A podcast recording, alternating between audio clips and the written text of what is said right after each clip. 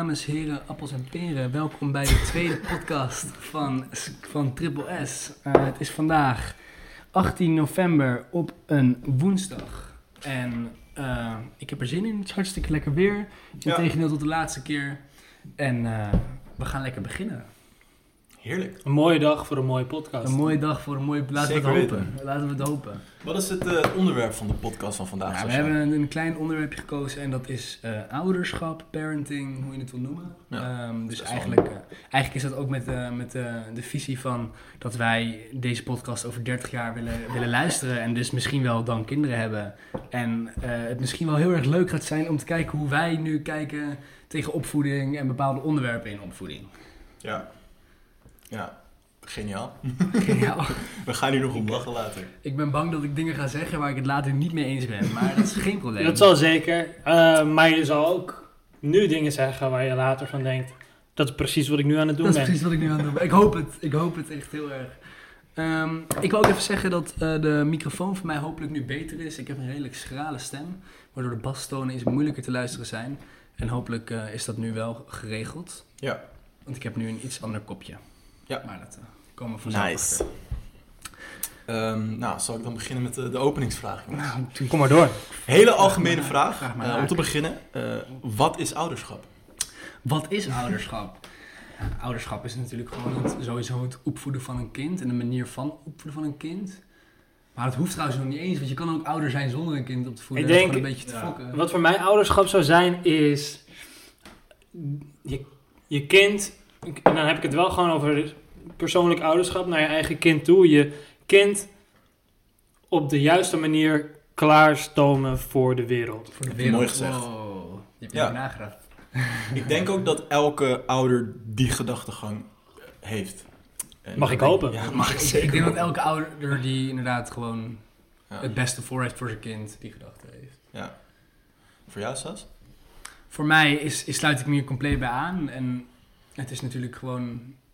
Je ouders zijn natuurlijk uit, uit, zeker aan het begin je ultieme voorbeeldpersonen. Eh, jij deelt natuurlijk gewoon eigenlijk de mening van je ouders. Simpelweg omdat je op een jonge leeftijd het moeilijker is om echt je eigen mening te vormen. Zeker over bijvoorbeeld maatschappelijke dingen zoals politiek en Ja. dat soort dingetjes. Dus je, je volgt gewoon je ouders daarin. Dus je ouders zijn gewoon jouw voorbeeldpersonen. Dus jouw, jouw manier van leven aan het begin. Jouw eerste, eerste visie van het leven. Dus het, ja, jouw, jouw begin. Ja. Voor jou, Sky, wat betekent Ja, ouderschap voor jou? eigenlijk exact hetgene wat jij zei. Je, je kinderen klaarstomen voor de, de voor de echte wereld. En eh, de juiste normen en waarden aanleren. En eh Zomertje, kan het wat stiller alsjeblieft? Zo met jou Eh, de juiste normen en waarden meegeven die ze hopelijk de rest van hun leven met zich mee zullen dragen. Ja. Ehm, ja, het lijkt een beetje op wat Sil net zei. Eh, ik denk dat dat ouderschap is. Ik denk ook dat het ouderschap is. En helemaal wel gek hoor, om ooit ouder te zijn. Gewoon, dat je gewoon een kleine mini-jij rondlopen. Ja, het is ook wel gek, want ik heb ook wel vaker nagedacht eh, over bepaalde onderwerpen, hoe ik dat dan denk dat ze aanpakken. En nog niet eens Mhm. nagedacht hoe ik het zou aanpakken, maar ik heb vooral nagedacht over hoe, hoe ik het niet zou aanpakken. Ja. Dus stel je ziet iemand op straat lopen met een kind en je ziet bijvoorbeeld zo'n moeder die dan, hoe, hoe die dan tegen haar kind praat op een manier waarvan ik denk van, nou, wat jij nu aan het doen bent. Heb je daar een voorbeeld van? Of zeg maar een bepaalde toon die je, dat je kan... eh, Nou, ik, ik heb dus eh, ooit op eh, het Stadshart in Amstelveen heb ik een kind eh, met een ouder, ook met een, een soort touw die hem vasthield. als, een- als een soort hond. Eh, dat, hij gewoon niet, dat hij gewoon niet verder kon lopen. Hebben jullie dit nooit gezien? Dit is, Nee, dit is, ik dus zie dat echt een vaak bij ding. Chinezen, Dat is echt een ding, man. En dan zie je dus gewoon mensen die eh, met een soort halsband... Het is geen echt het is geen halsband, het zit volgens mij vast aan een rugtas of zo, ik Uh-huh. veel. Ik heb hier echt nog nooit van gehoord. Ja, en dan, ja man, en dan, nou ja, dan, dan, dan dacht ik bijvoorbeeld van, nou, dit is natuurlijk wel echt een extreem voorbeeld, maar ik, heb je nooit, dat je, dan sta je een ijsje te halen in de rij en dan denk je gewoon, dan zie je zo'n moeder met een bepaalde toon tegen zo'n kind praten, dat je denkt van, ja, wow, dit vind ik, dit ben ik gewoon, dit is een soort van het tegenovergestelde van wat Ja. ik ben Ja. of zo. Ja. Maar Sascha, wat jij net zegt over eh, dat kind dat vastgeketend zit aan een touwtje, dat heb ik echt heel vaak in Azië gezien. In Gewoon. Azië, ja. In Azië. Super ik denk, normaal ik denk misschien wel dat het, dat het komt dat ik dit in Azië. Ik heb, maar, ik heb dit dus ook op Stadshart een keer Ja. gezien. Toen heb ik ook echt ik heb me doodgelachen. Ja, ja. Maar het zal dus dan wel gewoon zijn dat dat kind zo, zo terror is. Zo dat hij rebels. gewoon zo rebels is dat hij gewoon ja, vegent of zo, I guess. Dat hij gewoon dat, het- dat Ja. het niet er is om hem aan een lijntje te doen. ja. Dat kan. Het kan. Ja, dan vind ik dat er al iets misgaat eh, in het aspect vertrouwen. Eh, Ja, dat denk ik ook. Dat denk ik ook. Wat, wat binnen ouderschap een heel belangrijk ehm, aspect is. Zeker. Eh, want ik denk het, het allergrootste deel van ouderschap is geen keuzes maken voor je kind, maar je kind opvoeden Sturen. zodat hij zelf de Ja. meest verstandelijke keuzes kan maken. Dat denk ik ook. Dat denk ik ook. Dus je eigenlijk je kind meer sturen eh, in plaats van echt zeggen wat hij moet Oh, doen. daar komt de moeder van mijn kinderen binnen. Hey!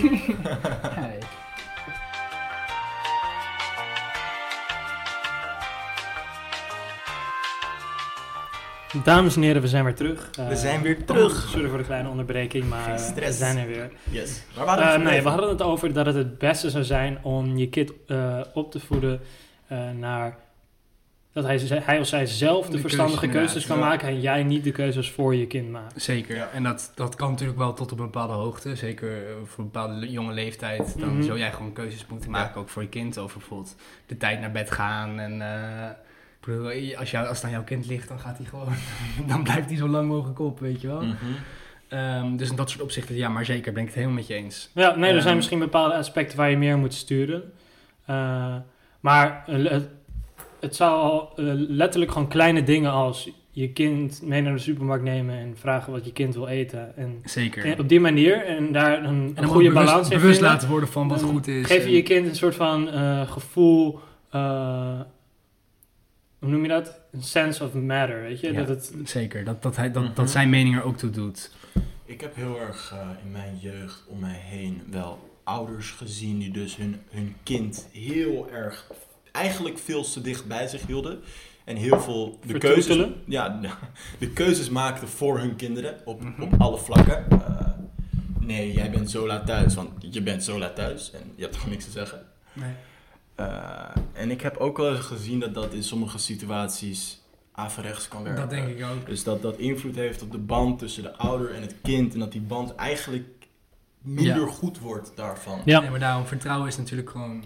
eh, Zeker, is key. zeker. En dus ook dat het kind ook door die vertrouwensband eh, minder snel eh, eh, zich open opstelt eh, als het gaat om bepaalde onderwerpen eh, tegenover, tegenover zijn ouders. En nou, dan ga ik daar gelijk op doorvragen. Want wij hebben natuurlijk allemaal, alle drie, eh, zijn we eigenlijk opgegroeid met eigenlijk hele andere ouders. Maar Ja. één ding hebben wij alle drie gemeen. Wij zijn vroeg begonnen met eh, blowen. We zijn vroeg Ja. begonnen met eh, recreatief drugsgebruik. En nou, dit is natuurlijk wel een van de moeilijke onderwerpen voor ouders. Hoe ga je hiermee om? Ja. Zeker, En zeker. hoe ga je je kind, eh, hoe ga je kind hier, hier over onderwijzen en wat hij wel mag niet, en niet mag doen? Want je zegt al, nou, het kan averechts werken. Dus jij zegt van, nou oké, jij mag niet blowen. Dan kan een kind juist denken, oh, dat wil ik wel. Dus hoe ga je ermee om als ouders? En ik denk dat het grappige is dat ons, ik denk dat al onze, alle drie de ouders daar ook alle drie anders in hebben gereageerd. ja. Ik denk dat eh, jouw ouders, Kai, daar het meest in hebben toegelaten. Dat jouw ouders daar het minst in hebben toegelaten. Mhm. En dat mijn ouders daar precies tussenin zaten. Ja. Ehm, En ik denk dat het... Want ik, heb hier zelf ook wel eens over nagedacht. Want ik ben wel echt van mening dat ik ben veel te vroeg begonnen met blowen. Maar echt veel te vroeg. Eh, en hoe zou ik daar dan mee omgaan? Dus wat zou ik mijn kind... Zou ik zeggen, nee, nee, dit mag je niet? Of zou ik hem juist willen laten weten wat ik ervan vind? Of wat mijn ervaringen in zijn? En, want ik denk bij alle drie in de gevallen van, ons, van onze manier van opvoeden van onze ouders... zijn wij alle drie toch heel veel gaan blowen, toch? Dus ik- dat op zich kunnen we ook niet zien en zeggen vanuit ons drie... als we ons drie zelf als onderzoek nemen... wat heeft gewerkt en wat Nee. niet. Want we zijn alle drie hebben het een beetje misbruikt. Ehm, Ik denk dat het gewoon een deel is van het ontwikkelingsproces van het kind. dat denk ik ook. Eh, en eh, dat de band tussen de ouder en het kind, denk ik, niet heel veel invloed heeft op wat het kind uiteindelijk gaat doen. Want als het kind echt datgene wil doen wat hij wil doen en wat al zijn vriendjes om zich heen doen, dan, doet hij dat. Dat Nee, het heeft geen invloed op wat het kind zal doen, Maar het heeft maar het wel- heeft wel invloed op de band tussen de ouder en het kind. Zeker, Correct. zeker, Ehm, zeker. Als ik voor, me, voor mezelf zou spreken, bijvoorbeeld. Eh, dus in, in de tijd dat we eigenlijk heel vroeg begonnen met blowen, ehm, weet ik wel voor mezelf, nou ja, eh, aan het begin, weet je wel, dan verzweeg ik het gewoon tot, me, tot mijn moeder er voor de eerste keer achter kwam, Ja, weet je. hetzelfde. En zelfs de, de periode daarna, eh, Ehm, ga, ga- omdat, omdat, omdat er natuurlijk... Ja, mijn moeder is heel zorgzaam. Dus die, die eh, heeft zelf geen fijne ervaringen gehad met, eh Met met, jointjes, voor example. En, die is heel protective daarin. Sorry voor eh, mijn half Engels, half Nederlands, jongens. Mijn leven is op het moment half Engels. Ja, iedereen kan Engels, Ehm, dus eh, prima. Ehm, en wat, wat er voor mij voor zorgde dat ik die reactie niet binnen haar zocht. Dus ik een soort van, een bijna voor, ik denk wel anderhalf jaar dubbel leven ben gaan leven. ja. eh, als in stiekem jointjes roken met mijn Ja, vrienden. nou, ik, heb, ik heb dit zelf precies hetzelfde gedaan. En bij mij... Ik heb precies hetzelfde gedaan. Ik ben, ik ben op mijn veertiende voor het eerst gepakt door mijn ouders. En dat was gewoon... Dat is gewoon... Laten we eerlijk zijn. Dat is, gewoon, dat is gewoon veel te vroeg, toch? Dat is gewoon veel te jong. Dat vonden mijn ouders ook echt niet leuk. Die, die dachten echt van... Nee, dit gaan we gewoon echt niet doen. Ben je, helemaal, ben je, ben je, ben je, ben je op je hoofd gevallen of zo? Je bent 14 jaar. weet je wel? 14 jaar. Ehm, dus, en daarna ook nog, kijk, toen heb ik, ik kan me toen herinneren dat ik toen, want dat was ook nog wel echt in de periode dat ik, weet je wel, dan, dan blode je één keer in de zo en zoveel tijd. En dan was het speciaal, weet je wel. Dan, Ja. ja. Je ging plannen van, oké, volgende week vrijdag, dan gaan wij het bos in en dan gaan wij een joint roken, weet je wel. Dat is die tijd nog.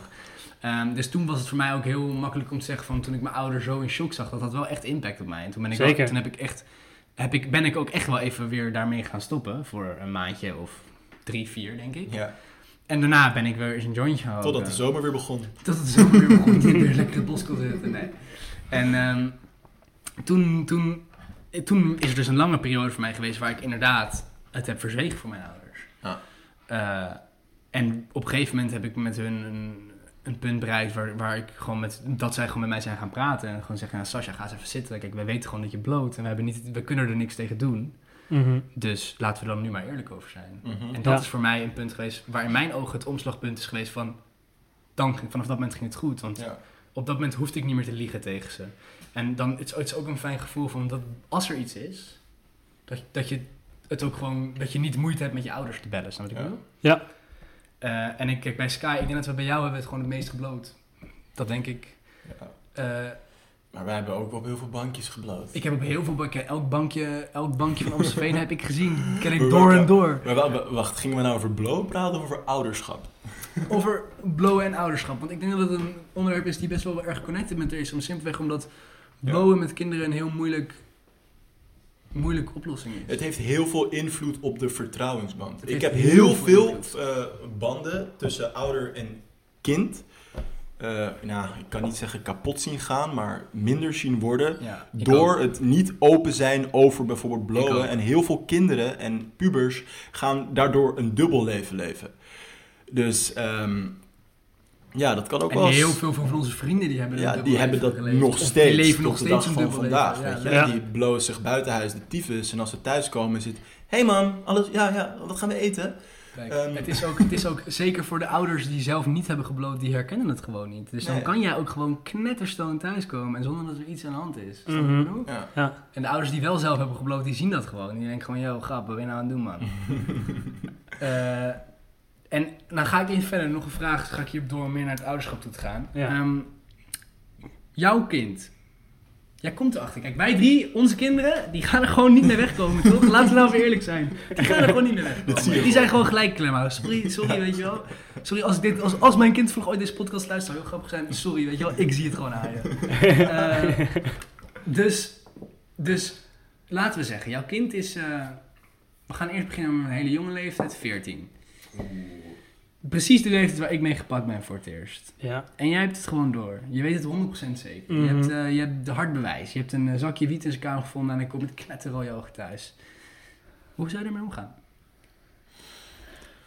Oeh, ik, ik, ik denk dat ik het gesprek aanga. En mezelf helemaal open en neutraal opstel in dat gesprek. Dat ik daar in dat gesprek ben om gewoon met, die, met mijn kind te praten. En niet Ja. in dat gesprek ben om hem erop te wijzen wat hij allemaal niet mag doen en wat, er, wat hij allemaal fout doet. Maar gewoon een boze manier. in dat gesprek sta om hem bewust te maken van de dingen die hij aan het doen is. En eh, zowel de positieve dingen als de negatieve dingen die dat met zich mee kan brengen. Mhm. Ehm, en ik denk dat het allerbelangrijkste aan de uitkomst van die gesprek is. Van, van, wow, wow. het allerbelangrijkste. ehm, wow, trip helemaal over mijn woorden. De allerbelangrijkste uitkomst van dat gesprek is dat de vertrouwensband eigenlijk nog beter is dan dat dat voorheen was. Eens. Omdat je jezelf gewoon... Maar zou jij vanaf een 14-jarige leeftijd ook al zeggen van... Nou, dus als je dit wil doen, dan ja, dat vind ik moet lastig. je het maar doen? Dat vind ik lastig. Ik denk, kijk, ehm, uit eigen ervaring kan ik zeggen dat wanneer je als door een ouder wordt aangesproken die dan zegt: hey, dit kan niet, je bent te jong, eh, Dit mag niet." mag niet en je gaat dit niet meer doen, dan heeft dat een heel averechts effect. Dat denk ik ook. Dat Ja. is precies waar we het net over hebben gehad. Dan ga je de splitsing aan en dan ga je, gaat je kind naar een dubbel leven. Mhm. Ik zou op dezelfde manier als Sky een heel open gesprek aangaan. Zeker. Ehm, en meer proberen te begrijpen. Dus oké, dus nou ja, wat heeft aangeleid tot Tot... het punt dat jij dus nu eh, wel eens een jointje rookt. Ehm, en gewoon heel eerlijk k- proberen te kijken, nou ja, goed erachter te komen, wat is, wat is de relatie van het kind Zeker. met eh, wiet of hash. En ehm, je kan zeggen dat je het niet leuk vindt en je kan ehm, duidelijk maken dat het niet goed is, maar het kind moet zelf echt begrijpen wat Ja, hij aan het doen is om zeker. ergens mee te stoppen. Het kind zal niet stoppen omdat jij dat zou willen, Nee. Zeker. want het is net als onze mens en het heeft zijn eigen wil. Letterlijk. Dus- Dus... Het is ook hetzelfde als van, eh, jij mag niet op dit knopje drukken, dus wat wil je? Nee. Ik wil op dit knopje drukken. Nee, precies. Dus op die manier zou je het, het allerbest kunnen, als het ware, kunnen controleren door het, de, het meest open ervaring te maken mogelijk. Dus als in, hey, Ja. als je wil blowen, doe dat dan hier bij ons thuis met je vrienden. Als jij dat van plan bent, weet je. Ja. Eh, dan heb je namelijk wel de visie op wat er gebeurt en kan je zien welke richting het opgaat. Ehm, het is wel Maar heel dat- lastig, want je kind je is, is... vanaf- Ja, maar kijk, vanaf je veertiende zal je dat dan zeggen. Ik vind 14 het is echt jong. zo'n lastige 14 vind ik ook- situatie. Want, Kijk, ik, ik denk dat ik, ik sluit me hier, trouwens, ik sluit me hier volledig mee aan. Ik zou ook compleet open het gesprek open gaan. Ik zou daarbij ook wel vertellen, ehm, ik zou zeker op een, op een manier, niet van dit mag niet, maar op een manier vertellen en een soort van laten zien dat, dat ik het wel echt niet leuk vind. Dat het me raakt, dat ik het ja, niet leuk vind. absoluut. Want ik, ik weet het erg van, dat kan zeker impact op je hebben. Ehm, en ik zou ook uitleggen van, luister, eh, ik, ik ken dit. Snap je? Ik ken blowen. Ik snap dit. Ik heb, ben hier zelf doorheen gegaan en ik ben erachter gekomen op een latere leeftijd wat het wel niet met je doet. Dus ik zou hem uitleggen hoe het je ook naar beneden kan helpen. En zeker op jonge leeftijd. Hoe, ik, zou wel, ik zou ook gewoon letterlijk het hele plaatje vertellen van wat, dat het slecht kan zijn en dat het Ja. Ja, het moet, het moet duidelijk voor hem zijn dat hij ook weet waar hij aan begint. Ja, en dat er een hele grote kans is dat je verslaafd raakt. Ja, letterlijk een hele grote kans. En ik denk dat ik vanaf een jaartje of 16 wel zou zeggen van, nou, weet je wel, eh, ik heb liever dat je bij mij in de tuin loopt en Mhm. een lekkere film gaat kijken met je vrienden, dan dat je dat op een bankje ergens in, in de kou doet. ja, 14 is wel gewoon echt 14 is gewoon jong. te jong. 14 is gewoon echt te jong. Maar ja, toch zijn er zoveel 14-jarigen die beginnen, snap ik bedoel? Of gewoon een keer een joint roken, uit nieuwsgierigheid. Ik snap het helemaal. ik snap het helemaal. Maar het is toch gewoon eh, even nog van, ja, wacht daar gewoon nog eventjes mee. Mhm. Ik denk dat het ook al mm, best wel een deel ligt bij dat je überhaupt ervoor dat het kind zelf bloot wel ook goed moet informeren daarover. Ja. Zeker. Dus zeg maar dat het Zeker. niet pas gebeurt wanneer het kind al heeft gebloot. Bloot, zeker. Maar- je moet het gesprek eigenlijk van tevoren Dat je dit gesprek al zeker hebt gehad wanneer het kind misschien 13 is. Ja. eh, weet je wel, ja, van spreken, 10. ja. eh, weet, je, eh, weet je wel, dan al heel duidelijk de psychologie uitleggen wat erachter speelt. Ja, Want het, Eh, inderdaad, het belangrijkste is natuurlijk gewoon de open relatie. ja, Ja. en ook zeggen van, nou ja, kijk, als jij wat ouder bent dan, en je zou het een keer willen doen, eh, mag je dat best eventueel een keer met ons doen, als Zeker. de ouders. Weet zeker. je? Eh, Ik bedoel, ik denk juist dat met je de er, nadruk op wat ouder. Maar Ja, je haalt er zelfs heel veel uit, denk ik, eh, als kind. Ik denk dat het heel erg ligt bij je kind bewust maken van wat, wat het precies is. Mhm. Wat het met je Zeker, doet dat voordat, het, voordat het kind überhaupt eraan begint. Ja. Op de juiste manier. Eh, aan de andere kant kan het kind daardoor, daardoor natuurlijk ook heel nieuwsgierig worden. Ja. ja, Ehm, Ja, dus het, je moet een gezonde manier vinden om dat te doen. Ehm, het zou ook wel verschillen per kind natuurlijk. Enorm. Ja. En ehm, dan vind ik dan wel een grappige vraag om hem dan door te vragen. Wat als dit alcohol is? Wat het alcohol is. Nou kijk, wij leven natuurlijk in een, in een, in een maatschappij waar alcohol super geaccepteerd is. Eh, terwijl ik me er zelf wel van bewust ben geworden dat een avondje goed eh, naar de tering gaan met alcohol wel een stuk schadelijker is Ja. dan een blootje roken. Ehm, ja, met alcohol ben ik, sta ik er een beetje hetzelfde in. Ja, dat moet ook wel.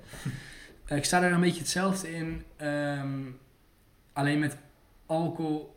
Ja, het is, het is, ik, ik vind het. Ik Het vind is zo sociaal geaccepteerd. het is zo Dat sociaal geaccepteerd dat ook de ouders die zeg maar zo anti-blowen zullen zijn, die het prima vinden om bier te kopen voor hun kind. Zo wat ik bedoel? Dat ik denk Ja. van ja, dat is gewoon, Ja. dat is gewoon best wel raar. Ik, ik vind dat je er eh, precies hetzelfde in moet staan als dat denk met ik blowen. Gewoon het gesprek Ehm, overgaan. Ja, en gewoon alle, eh, allebei de kanten ups uitleggen. en downs. Ja, en eh, gewoon open zijn over datgene wat ze doen. Ja, ik denk, Mhm. maar ik denk wel dat met alcohol, wat tegenover blowen, leert het kind ook snel of makkelijker. Simpelweg omdat ook meer mensen het in de omgeving doen. En met alcohol heb je natuurlijk gewoon een hele erge kater. Dus er gaat gewoon een moment komen dat je te veel drinkt. Je- Het is een snelle, het is een snelle Het les. is een snelle les, zeg maar. En kijk, en ik, ik heb, mijn kind gaat ook gewoon een keer te veel moeten drinken. En dat is helemaal prima. En dan gaat hij echt een hele dag kotsend in zijn bed liggen. Maar daar leer je van. Ja, Ja. kijk, dat is hoe iedereen het ooit heeft geleerd. Blowen, dat is een hele Blowen lange les. is een hele lange les. Want blowen is leuk. En blowen is, blijft leuk. En blowen ga je niet zo snel slecht op. Het is het, het, blowen, dat het ding is met blowen is dat het, het sneakt heel langzaam, weet je wel. Het sneakt heel Heel langzaam sneaky. Precies, het is Ja. sneaky. Ja. Het is echt sneaky. Nee, ik denk voor mijzelf zou ik ook gewoon op dezelfde manier erin staan als met blowen. Ehm, Ik denk dat het ook gewoon en belangrijk het gekke is dat ik al, terwijl ik dit zeg, merk ik al bijna dat ik met alcohol bijna makkelijker ben. Om, en, dat ik, en dat ik weet ook al precies waar dat vandaan komt. Omdat binnen mijn opvoeding werd daar makkelijker over gedaan. Ja. Terwijl als ik zo gewoon even heel rationeel kijk, zijn het eigenlijk gewoon, komt het neer op hetzelfde. Precies ja, Het hetzelfde. komt neer op hetzelfde. En Het enige verschil is dat je een soort van alcohol echt niet elke avond doet en kan doen. Bijna, zeker niet als kind. Nou, nee. een wijntje, dat kan. Een wijntje kan, gebeurt. maar dat doe je als kind niet. Kijk, als kind begin je met drinken en zal dat drinken puur gaan om echt drinken. Om dronken te worden. Om dronken te worden Ja. op een feestje, op een huisfeestje, Mhm. weet ik veel. En met blowen ga je, natuurlijk, kan je veel sneller in het gat vallen van eh, uit elke dag doen. Ja, ja. Eh, maar inderdaad, het is belangrijk, ook met alcohol, het gesprek erover opgaan. Ehm, de, de ups, maar ook zeker de downs eh, Mhm. uitleggen aan je kind. Ja. Eh, want in mijn ogen is alcohol ook wel echt, echt gewoon nog wel schadelijker en nog wel meer gif. Mhm. Ja. En want daar word je ook een stuk fokt op van. Oké dan. Ja, ik, eh, wow, we gingen gelijk weer helemaal deze kant op. Had ik even niet verwacht, maar Nee. Eh, it is what it is. Oké, ik heb nog een paar andere vragen. Eh, Kom maar we gaan weer even de hele andere kant op. Ja, laten we Wel doen. gerelateerd eh, tot het ouderschapsonderwerp. Ehm, zijn jullie gelukkig eh, door de manier waarop je opgevoed bent? Ben ik ben, op het eh, moment gelukkig? Ja, zeker. Ben ik blij met de manier waarop ik ben opgevoed? Ja. Zeker. Ik ook. Nou, Ik ik, ik, zeker. ik, ik, ik sluit me daar helemaal bij aan. Dan, En ik kan je ook wel vertellen waarom. Ik denk dat ik met mijn Graag. ouders heb ik altijd een hele goede relatie gehad. Ehm, ik heb altijd een hele open relatie gehad. Kijk, aan het begin van mijn blow misschien niet, maar ik heb wel echt... Ik, kon altijd, ik heb altijd ouders gehad waar ik, als ik ergens mee zat, ergens over kon spreken. Eh, die op elk moment van mij alles wat zij waar we zijn mee bezig zouden zijn, neer zouden leggen om mij te helpen met wat ik moest doen. En daar ben ik ze ook heel dankbaar voor. Ja. Eh, dus ik denk dat ik eh, nog steeds ook een hele goede relatie met mijn ouders. Ik heb wel echt een tijdje heel veel ruzie gehad met mijn ouders. Maar ik zie nu zeker in dat dat meer door mij kwam ja. dan door mijn ouders. Mhm. Eh, dus ik vind zeker de manier van opvoeding. Mijn ouders zijn er altijd geweest. Mijn ouders die gingen... mijn vader was coach van een voetbalteam. Eh, weet je wel, die waren altijd heel involved in mijn leven. Altijd heel geïnteresseerd in mijn leven. En die wouden altijd absoluut het aller, aller, allerbeste voor me. Ja, ik denk dat is- elke ouder dat wil. Dat denk ik ook. Maar elke ouders, sommige ouders die maken het gewoon niet waar. Snap je wat ik bedoel? Ja. En mijn, in mijn ogen hebben mijn ouders dat zeker meer dan waargemaakt. Ja. Dus ik ben zeker heel erg blij met mijn ouders geweest in mijn opvoeding. Toch zou ik wel dingen ook anders doen, denk ik. Maar dat zeggen ze ook, hè? Jij bent de betere versie van hoe jouw ouders jou Ja. hebben opgevoed voor jouw kind. ja, dat, Ja. Dat, dat, dat is ja. En jouw ouders zijn dat weer voor jouw opa, dus voor hun ouders. Ja. Het kan ook helemaal Het kan ook helemaal omgegooid worden natuurlijk. Ik ben nog steeds wellicht de betere versie. Ja, Ik ben heel blij met de manier waarop ik ben opgevoed. Nou ja, ten eerste, ik denk dat wij alle drie heel goed kunnen erkennen hier. ja. Jezus, wat zijn wij opgegroeid met privileges. Ja, Gewoon wij- Amstelveen, Wij het Wow. Nederland. Ja, we zijn zeg maar, wij groeien gewoon echt als een van de gelukkigste kinderen op in de wereld. letterlijk. het was Met de meeste kansen. En daar überhaupt voor, kan, daar überhaupt kan ik al heel, heel dankbaar voor Ja. zijn. Zeker, zeker. Maar dan nog kan je in zo'n ehm, mooie wereld opgroeien. En kunnen je ouders alsnog een slechte job doen. Ehm, en nou ja, wat ben ik blij dat mijn ouders dat niet hebben gedaan. Ja. Als ik kijk naar normen en waarden die ik heb meegekregen van mijn ouders, eh, mag ik daar heel trots op zijn eigenlijk. Eh, Ja. Zeker omdat mm, zowel mijn moeder als mijn vader zijn gewoon compleet verschillend van elkaar. Uh, mijn vader is heel erg kalm. Uh, daar heb ik ook best wel veel van mijn kalm vandaan. Uh, dan uh, mijn moeder is wat meer. ehm, ze is heel creatief. Uh, ze is heel erg scherp in, in gedrag. En uh, dat merk ik ook erg heel erg in mezelf terug. Maar ze is ook heel erg uh, dankbaar en humble. En dat is echt een enorm aspect wat ik van mijn moeder heb meegekregen. Want zij is helemaal niet met heel veel opgegroeid. Waardoor ze ons als kinderen heel erg wijs heeft gemaakt van dat alles wat wij hebben en alle kansen die we krijgen, alle vakanties die we nemen, dat we daar zo dankbaar voor mogen zijn.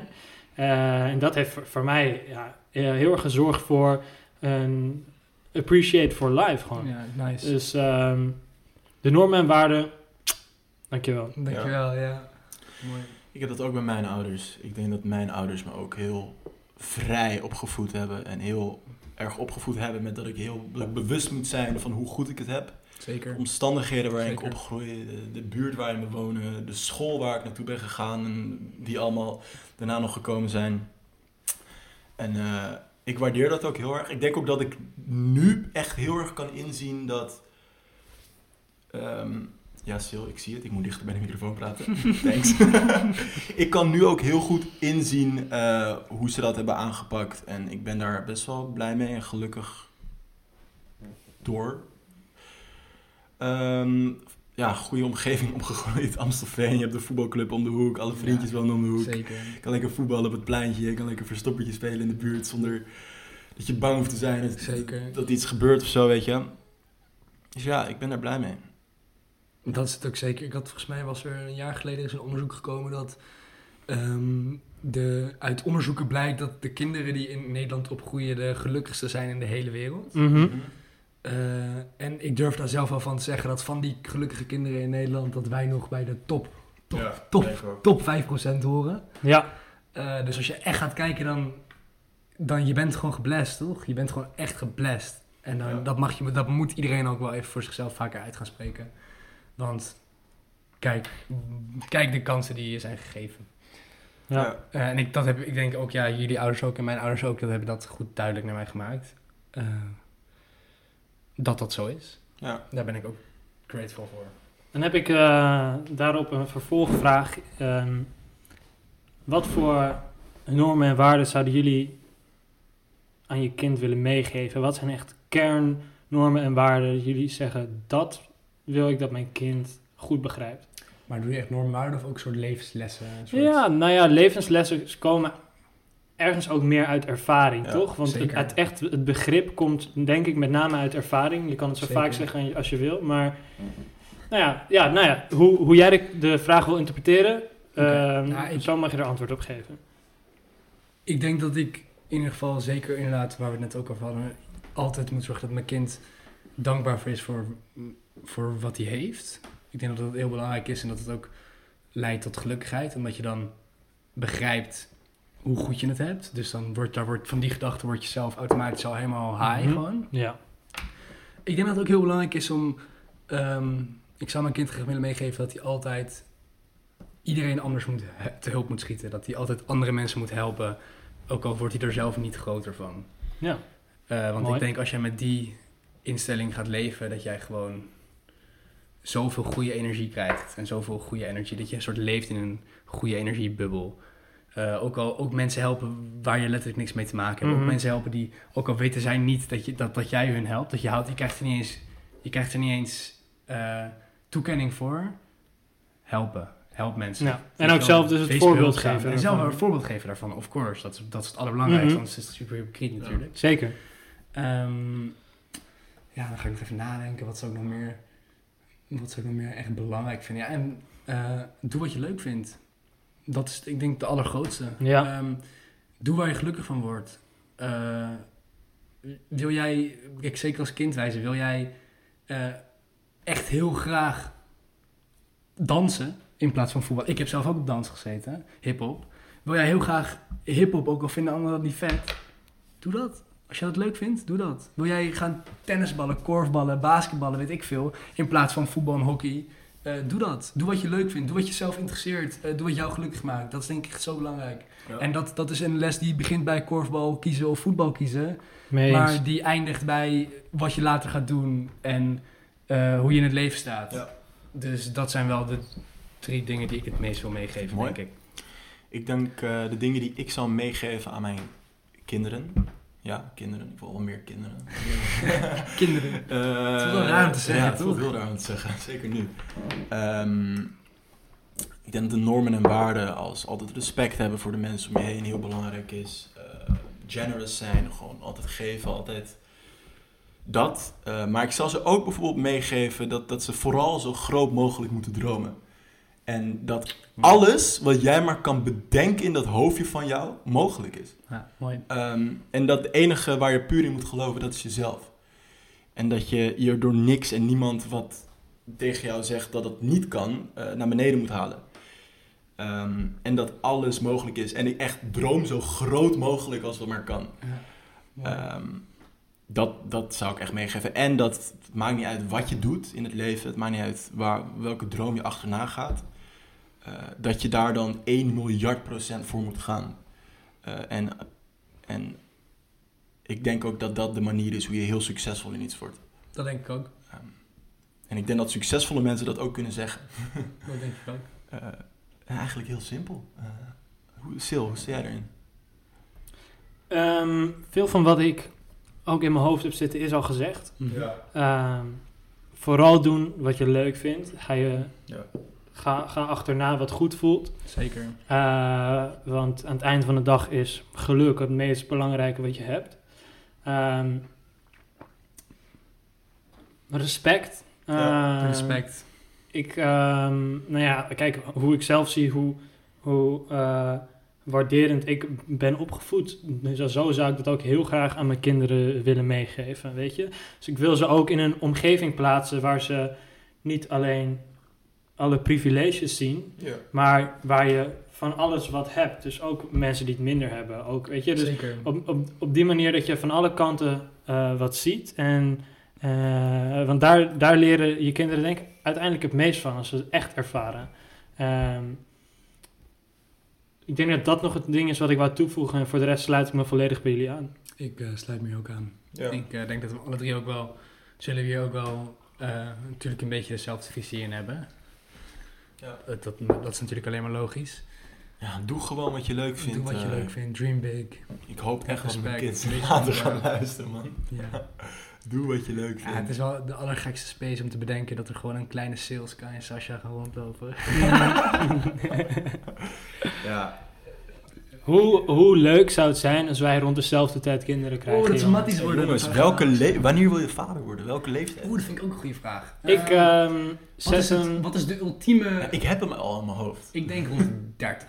Ik heb ook 30. Ik heb hem- 29. ja, ik heb het mijne op eh, tussen, tussen de 28 en 32. Ik denk, ja. Ja. voor mij mag je nog wel iets wijder. Ik denk 28 en 34. Ja, ik denk Eh. gewoon, het is wel dat van het moment dat, dat er kinderen komen in jouw leven, zal nooit meer iets Daarom, hetzelfde zijn. daarom. Dus, Nou ja, ze zeggen vanaf het moment dat je kinderen hebt, begint je leven echt. Ja.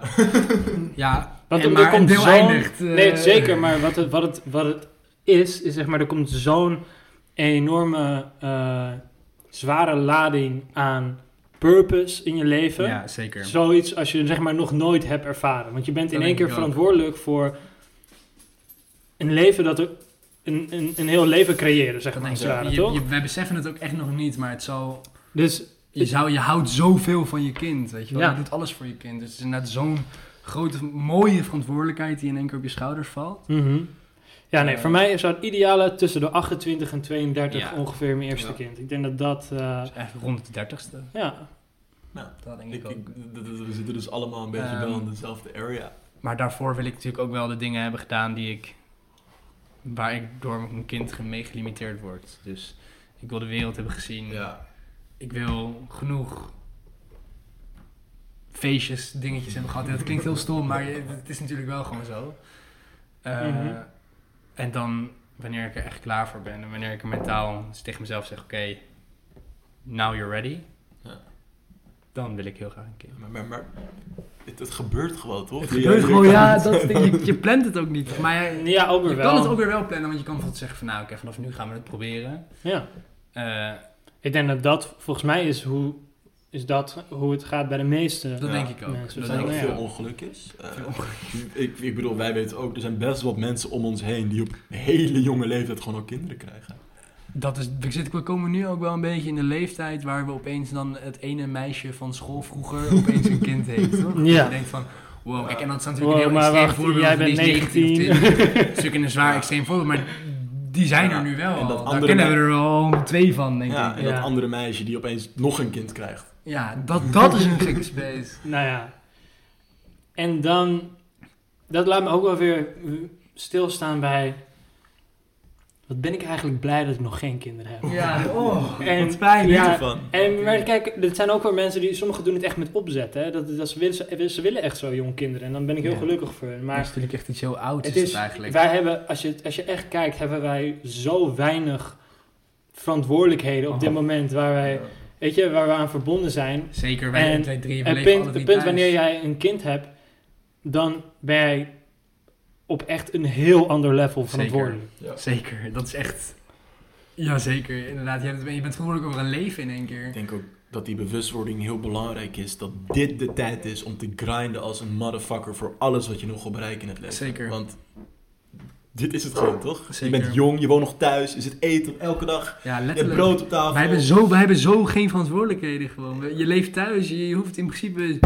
Kijk, het is dat je ouders het niet leuk zouden vinden, maar in principe Ja. hoef je niks te doen. Take En advantage. natuurlijk moet je wat doen voor jezelf en je wilt wat doen, maar zeg maar, je, het hoeft niet, laten we het zo Mhm. zeggen. Ja. Dus ja, dat zeggen heel veel mensen ook die opeens op zichzelf gaan wonen. Die zeggen opeens van, ja, geniet er nog maar even van. Mhm. Ja. Want eh, opeens moet je je eigen tandpasta gaan betalen. Ja. Kom je erachter dat tandpasta gewoon best wel duur is. Ja, nee, ik merk, ik, ja, letterlijk, ik merk nu al, nu ik met, met Kylie van hot naar her aan het gaan ben, dat ik überhaupt met boodschappen er... ik Ik, schrik er gewoon al van, van jeetje. Ja. Luister, ik heb precies hetzelfde. Ik woon, in de- ik woon half in Noordwijk, half in, ehm, gewoon bij mijn ouders.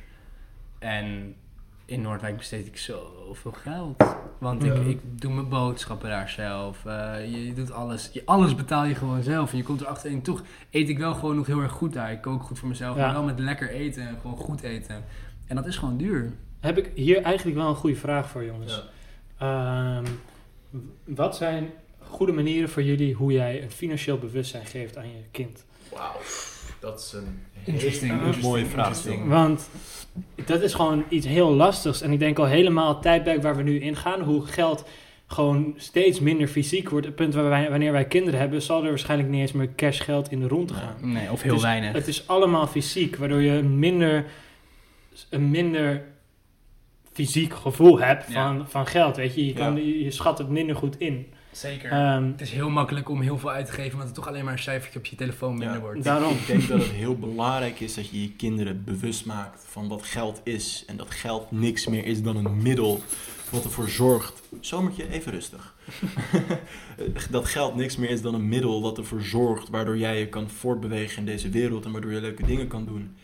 Ehm, en dat geld ook absoluut niet het. Je moet niet iets doen voor het geld. Je moet niet een bepaalde job gaan kiezen voor het geld. Geld is gewoon in feite nep. Zeker. Geld is alleen maar iets waard omdat het, he- het hele collectief van de wereld gelooft dat geld waarde heeft. Zeker. Als wij nu allemaal stoppen met geloven dat geld iets waard is, is geld niks meer Is waard. geld niks meer waard. Gaan we terug de ruilhandel in. Ja. Ik geef jou 10 aardappelen voor jouw stukje vlees. Mooie tijd. Hey, ja, ik denk dat het heel belangrijk is om je kinderen zowel de goede en slechte kanten Ja. van geld te laten dat zien. denk ik ook. Eh, ik bedoel, geld slash macht is de grootste reden waarom wij zo'n eh, verschrikkelijke verdeling hebben in de wereld. Zeker. Ehm, ik denk dat het heel goed is om van jongs af aan je kind al een eigen, als het ware, spaarpotje te geven. Dat denk ik ook. En Zakgeld. ja, zakgeld. En ook leren hoe je, hoe je daar dan mee omgaat. Zakgeld, maar ook, ik vind voor zakgeld kinderen ook gelijk moeten leren dat je ervoor moet werken. Dus dat ze ook wat klusjes mogen doen in het huis. zeker, dat, je, dat je niet Dat alleen maar krijgt, want dan ga je, krijg je een soort van achteroverzithouding. Dat denk ik ook. maar dat je ook je kind goed bewust maakt van, nou ja, oké, wil jij geld? Wil jij een, een leuke eh, een speelgoed kopen of iets in die richting? Dat denk ik ook. Eh, nou, je mag voor eh 20 minuten de tuin vegen en het netjes maken. En dan krijg jij van mij 2 euro's. Ja, precies. Nee, maar dat is, ik, dit is precies, ik sluit, ik sluit me hier echt compleet bij aan. Want ik denk dat het belangrijk is dat vanaf een jonge leeftijd, natuurlijk, jij geeft je kinderen heel veel. Jij zorgt dat, weet je wel, heel veel dingen krijgen ze van jou. En, en bij een verjaardag krijgen ze super mooie cadeautjes, want dan zijn ze jarig. Mhm. Eh, maar het is super belangrijk om, om niet alles te geven, zodat zij bewust zijn van dat, dat, dat ze er ook voor moeten werken. Ja, Eh, uiteraard. Dus als zij die ene videogame willen kopen, die, die gewoon net even die 20 euro kost die ze niet hebben, dan moeten ze daar even voor gaan sparen, weet je wel. Mhm. Eh, en af en toe kan je ze natuurlijk gewoon goed verwennen en je mag ze allemaal mooie dingen geven. Of, of course, wat gewoon... Ik heb ook vanaf jongs af aan al geld gehad. En dan had ik boven de 100 euro en dan was ik rijk, jongen. Ja. Had ik een verjaardag, had ik geld opgeleverd, joh. Iedereen Oeh. had kaart gegeven en dit, dat, zo, zo. Ik had boven de 100 euro. Wauw. Ja. Wauw, dat was vet. Al die tientjes in die brief. Al die tientjes en die, en die envelopjes en die je kluisje netjes in je spaarpotje Ja. gedaan. En dat, dat is gewoon heel belangrijk, want hoe jonger, je, hoe jonger je het leert, hoe makkelijker het is, denk ik. Jong geleerd. oud Jong gedaan. geleerd, oud gedaan. Nou ja, ik heb op, eh, laatst een onderzoek gelezen over dat ehm, het eigenlijk beter is, eh, het is nog niet volledig met geld te maken, maar dat het beter is om je kind bijvoorbeeld weinig speelgoed te geven en dan gewoon een bom met speelgoed voor je kind neer te leggen. Van, weet je, kies maar, neem maar. dan gaat hij ook meer genieten van het speelgoed dat hij heeft. Exact, ja. Ehm, je leert ook, ook nou oké, wacht, hier kom ik later nog wel even op terug.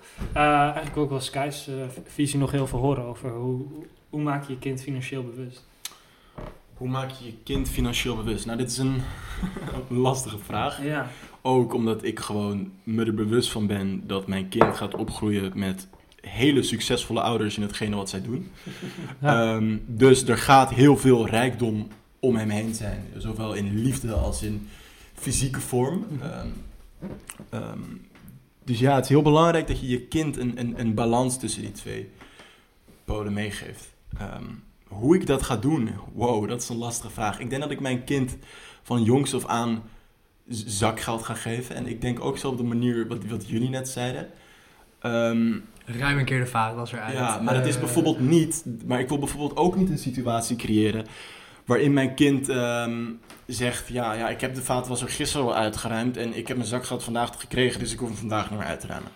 Snap je? Het Mm. blijft wel een kind, toch? Zeker, het blijft een kind. Ja, ik kan vanuit, vanuit mezelf spreken, weet je wel. Mijn ouders hebben mij vanaf jongs af aan al eh, letterlijk geleerd. Let, na het eten doen we met z'n allen het vaatwasser. Ja, dat. Of, of ik en mijn zusje doen het, weet je wel. En ik, ik zeg niet eens ooit nee er tegen, weet je wel. Dat is kan zo je niet nee eens te zeggen. geven. Nee, Dus, dat is niet eens recht dus zeg nee maar, je moet een goede balans vinden om, om zowel dat je gewoon de dingen die in het huis gedaan moeten worden, doe je hoe dan ook met je Ja. kinderen. Maar er zijn extra dingetjes die ze kunnen doen om zo hun centje te Dat, verdienen. dat vind ik mooi. Precies, dat Inderdaad. denk ik ook. Dat En- denk ik ook. Ik, ik ga ze ook gewoon langs, gewoon alles, alles om, om wat om geld heen is uitleggen. Weet je. je kan sparen voor iets en dan spaar je een half jaar en dan heb je zoveel 100 euro bij elkaar en dan koop je die PlayStation en dan heb je die PlayStation, maar je geld is weg. Dan moet je weer opnieuw beginnen. Mhm. En ik wil ze ook heel graag gewoon lessen meegeven met dat dit ook een beetje het systeem is waar we in leven. Je spaart geld, je geeft het uit, je hebt niks meer, je begint opnieuw. Dat is een soort van oneindige cyclus waar de mens in zit. Ehm, maar ik zou hem bijvoorbeeld ook eh, een beetje ondernemerschap mee willen geven. Dat je dus ook door middel van je hoofd te gebruiken manieren kan bedenken waarop er dus passief geld binnenkomt. Ja. Ehm, Ik vind het, om daar even op in te haken, Ja. ik vind het altijd echt heerlijk om te zien als kinderen met een limonadestand Top. of een Oh, dus wij straat waren die zitten. kinderen. Wij gingen Oh. deur bij deur gingen wij langs om cakejes te verkopen, Heerlijk. zodat we vervolgens GTA 5 konden kopen. Ja, en dat is, En dan- toch gewoon, ja. dat is toch heerlijk. Ik deed het ook. Ik deed, dat, eh, ik deed, ik deed dan klusjes. Dan vroeg ik, ja, mag ik je flessen, flessen wegbrengen? En dan, hou- dan hou ik het statiegeld. Dat soort Ja.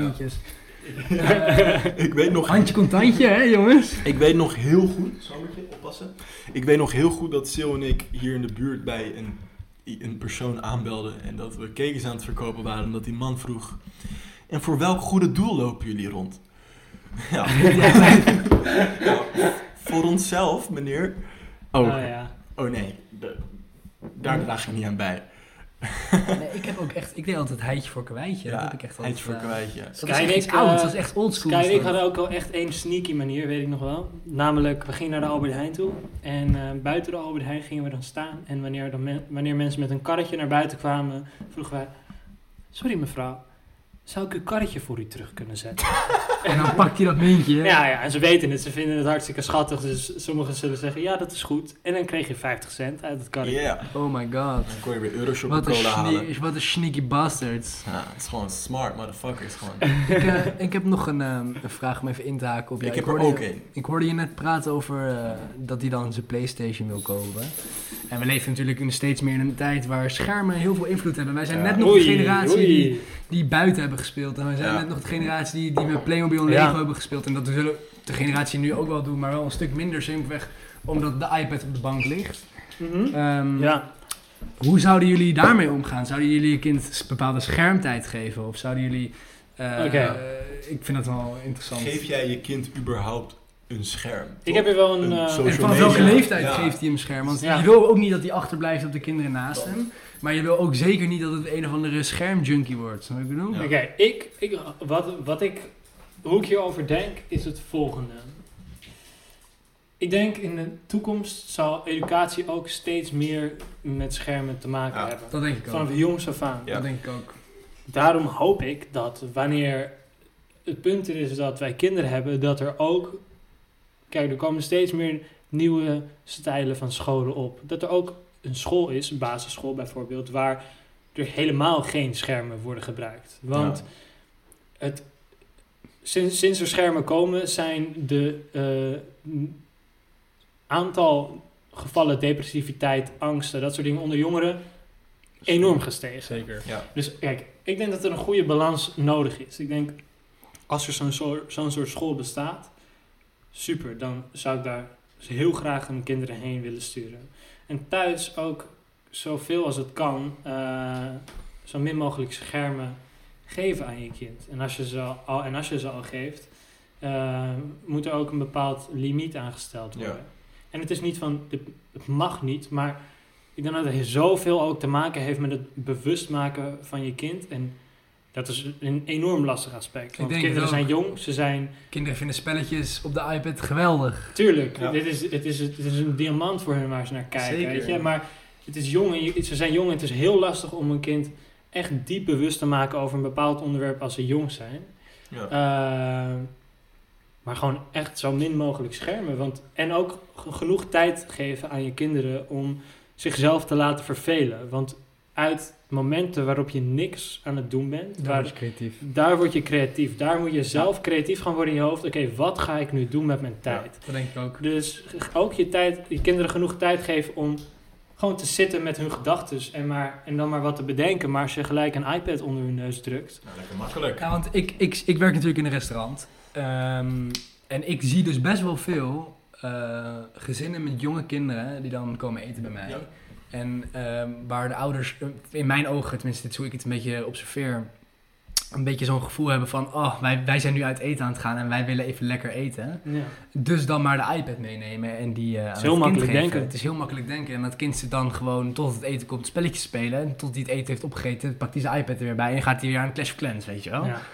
Eh, nou, kijk, ik zelf vind het echt vreselijk om te zien. Mhm. Want ik denk van, Ja. man, je bent uit eten. Dat is, dat is, een, dat is, dat is echt een genietmomentje, weet je wel. Dat is echt, dat is een, en ik, Een ik kan, een luxe is dat. Dat is echt een luxe. En ik, ik kan, als ik vroeger met mijn ouders uit eten ging, had- ik vond het altijd geweldig. Ik vond het hartstikke leuk. We gingen met mijn ouders uit eten en we gingen lekker eh, praten over dingetjes. En lekker, het eten was super lekker. Ja. Al, al praat je over het restaurant waar je in zit, weet je wel. Dat maakt niet uit. Ja. Eh, maar ik vind het zo'n makkelijke oplossing om gewoon maar heel even die iPad onder zijn neus te duwen. Ik kan me nog wel herinneren dat ik vroeger als kind altijd ging tekenen. Dat ik vroeg, Tekenen, hey, ja. heb je een Ik, blaadje? dat Ja. heb ik dus ook nog. de- ik heb ook nog kinderen die dat Oh. kregen, want wij hebben gewoon kleurplaten. Panefino, jongens. Ja. Eigen pizza Panefino, maken. ja, Panefino. En ik heb, ik heb, wij hebben ook gewoon in een restaurant gewoon kleurplaten liggen. En er zijn ook gewoon ouders die vragen, hey, hebben jullie misschien een kleurplaat? En dat, is dat, dat denk ik, ja, die heb ik wel voor je, weet je wel, hartstikke leuk. Maar er zijn alsnog echt zoveel ouders die gewoon, Mag, mag ik mag ik met je telefoon, papa? Weet Mag je wel, het is een, gewoon die. een situatie schetsen? Graag. Oké. Tien jaartjes van nu. De eerste baby wordt geboren. Je bent 29, je bent 30 jaar. Tien jaar daarna is jouw kind tien jaar oud. En dat is een beetje de leeftijd waarop kinderen telefoons krijgen en dat soort dingen. Kan je, heb jij, hebben jullie überhaupt een beeld hoe geavanceerd dit apparaatje is over 20 jaar en waartoe dit allemaal in staat is? Kunnen we daarbij met ons hoofd? En is dat nog Eh. wel gezond voor de mentale gezondheid van jouw kind? Kijk, weet ik niet. 20 jaar. Weet ik gewoon niet. Nou ja, het is, Eh, eh, om die laatste vraag alvast te beantwoorden. Ja. Nee, het is nu al niet gezond. nee, dat denk Nee. ik ook. Ehm, hoe geavanceerd is dit? Nou ja, ik weet dat het, het wordt steeds en steeds geavanceerder. Ja. Weet je, technologie neemt met, ehm, heeft, heeft zo'n zo'n sterke groei. Apple is al bezig met bepaalde ehm, brillen die je op kan doen waar Ja. gewoon je hele telefoon in zit. ja, Ehm, ik bedoel, we praten over... het moet wel geadapteerd worden onder de mens, maar eh, je, het, het heeft zo'n sterke groei dat. Nee, ik kan me bijna niet voorstellen Nee, hoe dit er over ik 20 kan me- jaar uitziet. Als je kijkt naar de afgelopen 20 jaar, Kijk- is, is, het, is, het, is het verschil eens gewoon geen smartphone Ja. tot wat we nu hebben Maar- qua smartphone. Kijk even het apparaat waar we deze audio op opnemen, deze, Ja. deze MacBook. Eh, 20 jaar geleden was dit een kast van eh, Ja. eh, Ja. 40 bij 40 centimeter. Letterlijk. Het, kan ook zo zijn dat juist over 20 jaar dat we op het kijk, de- deze dingen die we nu al hebben zijn extreem geavanceerd. Maar ik denk dat ook bijvoorbeeld dingen als sociale media, dat dat ook echt je, je kan tegenwerken in je mentale gezondheid. Ik denk dat er best een kans is dat over 20 jaar dat deze mobiele toestellen, dat Apple bijvoorbeeld mobiele toestellen voor kinderen maakt eh, met gelimiteerde mogelijkheden. Eh, en eigenlijk alleen maar Dat dingen die ook. hun mentale Dat- gezondheid dat is- stimuleren. Snap? Ik denk dat dat punt. Wat een gaat- hard idee. Ja, ik denk dat Jeetje. dat best gaat komen. Ik vind Of jij dat, dat, er, dat dat er nu al niet is. Ja, dit nee, dit, het is er nog dit niet. inspireert Nou, mij gewoon ja. om te zeggen van, weet je wat? Ja, het is Er- best wel is- gek Er, is, er Ja. is wel zo'n eh, zo'n telefoon, en ik ken het uit een, toevallig uit een serie. En dat is een telefoon waar je dus gewoon iets van drie knopjes hebt. En dan kan je thuis mee bellen, mama mee bellen en papa mee bellen. Laten we het bij, die, Ja. bij wijze van spreken, weet je wel. Eh, En that's it. Ja. Maar ik denk dat er best een punt gaat kijken. Apple is gewoon de koning op de aarde. En Samsung is dat ook in zijn eigen lenen. Ik, ik denk dat er door een punt gaat komen dat al deze grote megabedrijven zoiets aan de wereld gaan geven. Omdat we gewoon naar een punt toe gaan waarin echt een hele grote generatie naar de kloten gaat. Door hoe geavanceerd dit apparaatje is. Het is, het, is al, het is al aan het gebeuren. Daarnaast, wat, je al idee. ziet, wat je al ziet gebeuren is, zeg maar, de, weet je, hoe noemen ze dat, de Big Five, die eh, worden al bijna groter dan sommige overheden. Ja, Eh, weet letterlijk. je, wel, Amazon, eh, Facebook, Google, Ja. Apple. eh, nou ja, Dit is überhaupt een heel podcast onderwerp op zichzelf. juist. daar, daar, hier moeten we het zeker nog maar even over gaan hebben. Eh, maar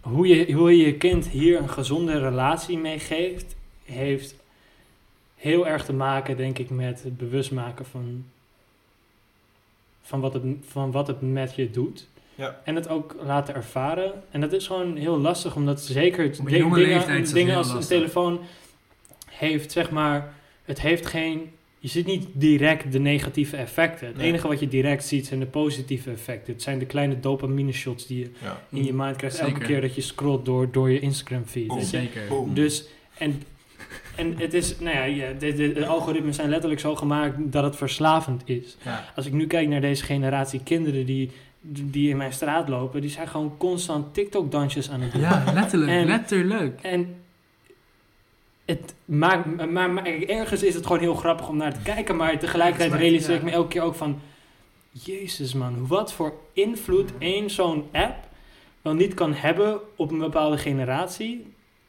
Dat is gewoon echt, echt next level. Letterlijk. Echt heel erg. Dus ik denk het punt wanneer wij kinderen hebben, ehm, is alles nog geavanceerder. Technologie gaan we niet kunnen stoppen. Het gaat alleen maar blijven groeien en groeien en groeien. Ja. Dat denk ik ook. Exponentieel. Sowieso. Dus Maar ik denk dat de vormgeving wel beter kan zijn. En dat, dat, dat we daar op een gegeven moment... Zeker. Wat is, wat is dan ook de... We hebben jullie wel eens nagedacht over de leeftijd die wanneer je je kind een telefoon zou geven? Ja, dat zal of op welke, welke leeftijd hebben jullie bijvoorbeeld een telefoon gekregen? Weten jullie Ja, dat? maar dat was zo'n uitklap dingetje waar je alleen Snake op kon spelen, toch? Ja, Ja, nee, dat weet ik nog wel. Snake en ik kon drie nummers erop. Dus elke keer als ik een ander nummer wou, dan moest ik er weer eentje afhalen en dan kon ik er weer eentje op Met doen. Dat was, een- was een Nokia. Nokia was mijn allereerste. Oh echt, jij hebt echt, jij, jij hebt echt die tijd. Ja, Ik, Ja, heb die ik, heb, ik heb gewoon echt zo wat later een telefoon. Ik heb denk ik op mijn, echt ja, in de eindgroep 8, begin eerste heb ik mijn eerste telefoon pas gekregen. Ja, ik ook, denk ik.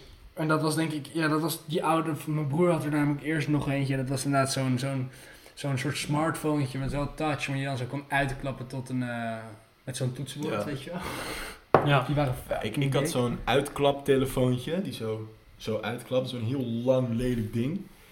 En ik heb een LG Cookie gehad. Ja. Had je die ook? Nee, ik heb die niet gehad. Die Maar hij LG weet het nog van jou. Ja, ik weet het nog. De met LG zo'n Cookie. zo'n pennetje, zo'n plastic kutding. Wat je Hier hebben, wij, hier hebben wij nog ehm, eh, van, die, van die filmpjes. eh, Wat, hebben, we- wat, wat was het ook weer? Dat wij ging playback gingen filmen. Ja. Nou, heel ander verhaal op Oh, zich. Ehm, Maar LG Cookie en daarna had iedereen een Blackberry. En ik was zo jaloers op iedereen die een Ik ja, Blackberry die heb ik had. gehad, man. En die, want Black, want Ja. mensen met Blackberry die konden met elkaar pingen. Ja, dat is Toch? shit. Ik heb het zelf niet meegemaakt. Ja, maar- en mijn ouders waren gewoon anti-Blackberry. Die zijn eigenlijk al hun hele leven eh, Apple geweest. En toen was ik 12 en toen kreeg ik een iPhone 3GS. En dat was echt de shit. Maar eigenlijk was ik er niet eens... Eigenlijk ook een Blackberry, toch? Maar ja, het was, het was, het was- ja. uiteindelijk ben ik er wel blij mee dat ik gewoon... Ja, maar is dus ook wel jong hoor, 12. Nee, Ik denk, dat, ik denk dat vanaf het begin eerst is het wel belangrijk dat, ehm, dat je een telefoon hebt. Want ik kan wel herinneren dat de eerste dag, dat dit, mijn eerste kennismakingdag van Amstelveen College kan ik nog best wel goed herinneren. En ik kan me toen herinneren dat er gelijk een groepchat werd gemaakt eh, Ja. van de mensen die in die klas zaten. Nou, en dan, dan lijkt het me wel heel zuur als jij dan geen Ja. telefoon hebt. dat is waar. Ehm, Ik- En ik denk dat juist die leeftijd van groepchat te maken, die wordt, klein, die wordt minder en minder, zeg maar. Dat Ik- was bij ons misschien ja. de eerste, maar dat zal nu al groep 8, 7 Ja. worden. En dat zal zelfs Zeker. naar beneden gaan, naar beneden Mhm. gaan, denk Ja. ik. Ik denk dat ik mijn kind, als hij zeven jaar is of acht jaar, op het moment dat hij al in zijn eentje met zijn vriendjes buiten gaat spelen, al een apparaat geeft wat ervoor zorgt dat hij mij kan bellen. En dat is het enige wat het apparaat kan doen. Maar je kan me bellen, ook- je kan mama bellen, je kan... Je telefoon is ook niet je eerste scherm. Want ik neem aan dat jullie ook wel een DS hebben gehad. Of een, eh, televisie. Playstations. televisie, Playstations, Wii. eh, Wii. Ik bedoel, ik heb heel veel gewiet bijvoorbeeld. Ja. Eh, daar moet je natuurlijk ook je kind in limiteren. ja. Eh, ga maar buiten spelen in plaats van tennis op de Wii, weet je. Maar wat dan, maar ga je dan tennis. regels maken voor je kinderen? Ik ben Nou niet ik van denk- de regels om eerlijk te Nou, zijn. ik denk, dat ik, ik denk dat, je, dat ik in dit geval zeker wel regels zou gaan maken. Ja, Eh, omdat ik denk gewoon dat het anders niet te handhaven is. Ja. Niet, niet dat je niet nu handhaven is misschien niet het goede woord, want het klinkt een soort politieagentje aan het spelen ben. Maar ik wil gewoon niet dat mijn kind dat zoveel gaat doen. Dus eh, ik zou misschien hem gewoon een wel, ja, kijk, en hoe zuur het ook klinkt in mijn ogen, maar wel gewoon een schermtijd. Oké, jij mag, wil jij dat doen, dan mag jij een half uurtje even op de computer spelen. Hoe lang mag jouw kind per dag gamen? Het verschilt denk ik ook op het tijdstip waarin hij zit. Ja. Eh, is, hoe heeft hij het met school? Hoe gaat het met zijn school? Oh ja, dat gaat Eh, gepaard. is het weekend? Is het, is het overdag? Maar eh, weet ik niet. Een, hal, een half uurtje tot een uur op jonge leeftijd? Een half uurtje. dat is echt weinig, een half uur. Als, als jouw kind gewoon helemaal in FIFA zit, toch? Dat is nog niet eens een draf. Ja, maar kijk, gewoon. mijn kind zat, mijn kind zat in. Ik, ik zelf zat pas in FIFA op een latere leeftijd. En ik heb het nu ook wel echt over een jonge leeftijd. Ik heb het nu nog over wat. wel eh, tussen, de, tussen de 6 en de 10. Ja, En dan, ik denk dat het echt een belangrijk leeftijd is dat je gewoon lekker buiten bent.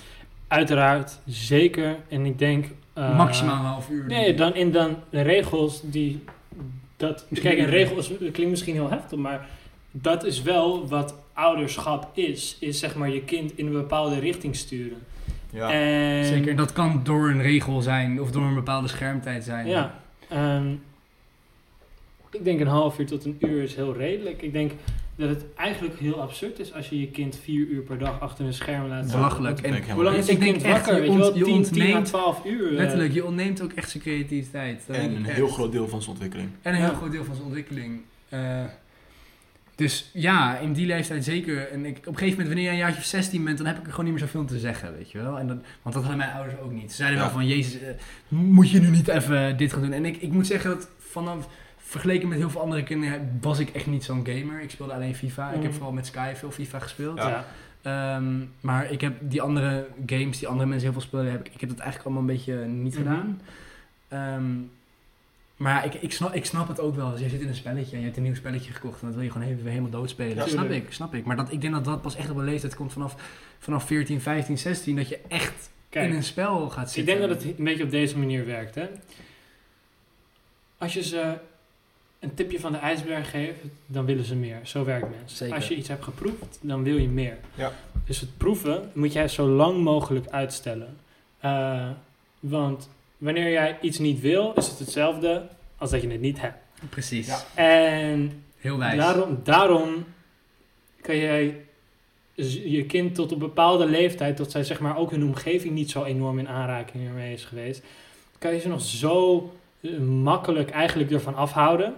Ehm, en dan denk ik dat het ook helemaal niet zo moeilijk wordt. Kijk, het gaat moeilijk worden wanneer hun, eh, wanneer ze met hun omgeving zijn en hun omgeving is in aanraking mee. Weet je? Wanneer ze bij andere kinderen thuis zijn en hun hebben een hele zieke Ja. 2038 game console. Ja. Die, weet je, ja, precies. Dan- Gewoon dat die, is die het- PlayStation 20. zeker. Maar als jij je thuisomgeving zo inricht dat schermen eigenlijk gewoon, en wat, dat, wat mijn ideale situatie lijkt, dat schermen eigenlijk gewoon nou, er bijna niet eens doen, een tv hebben. dan, ehm,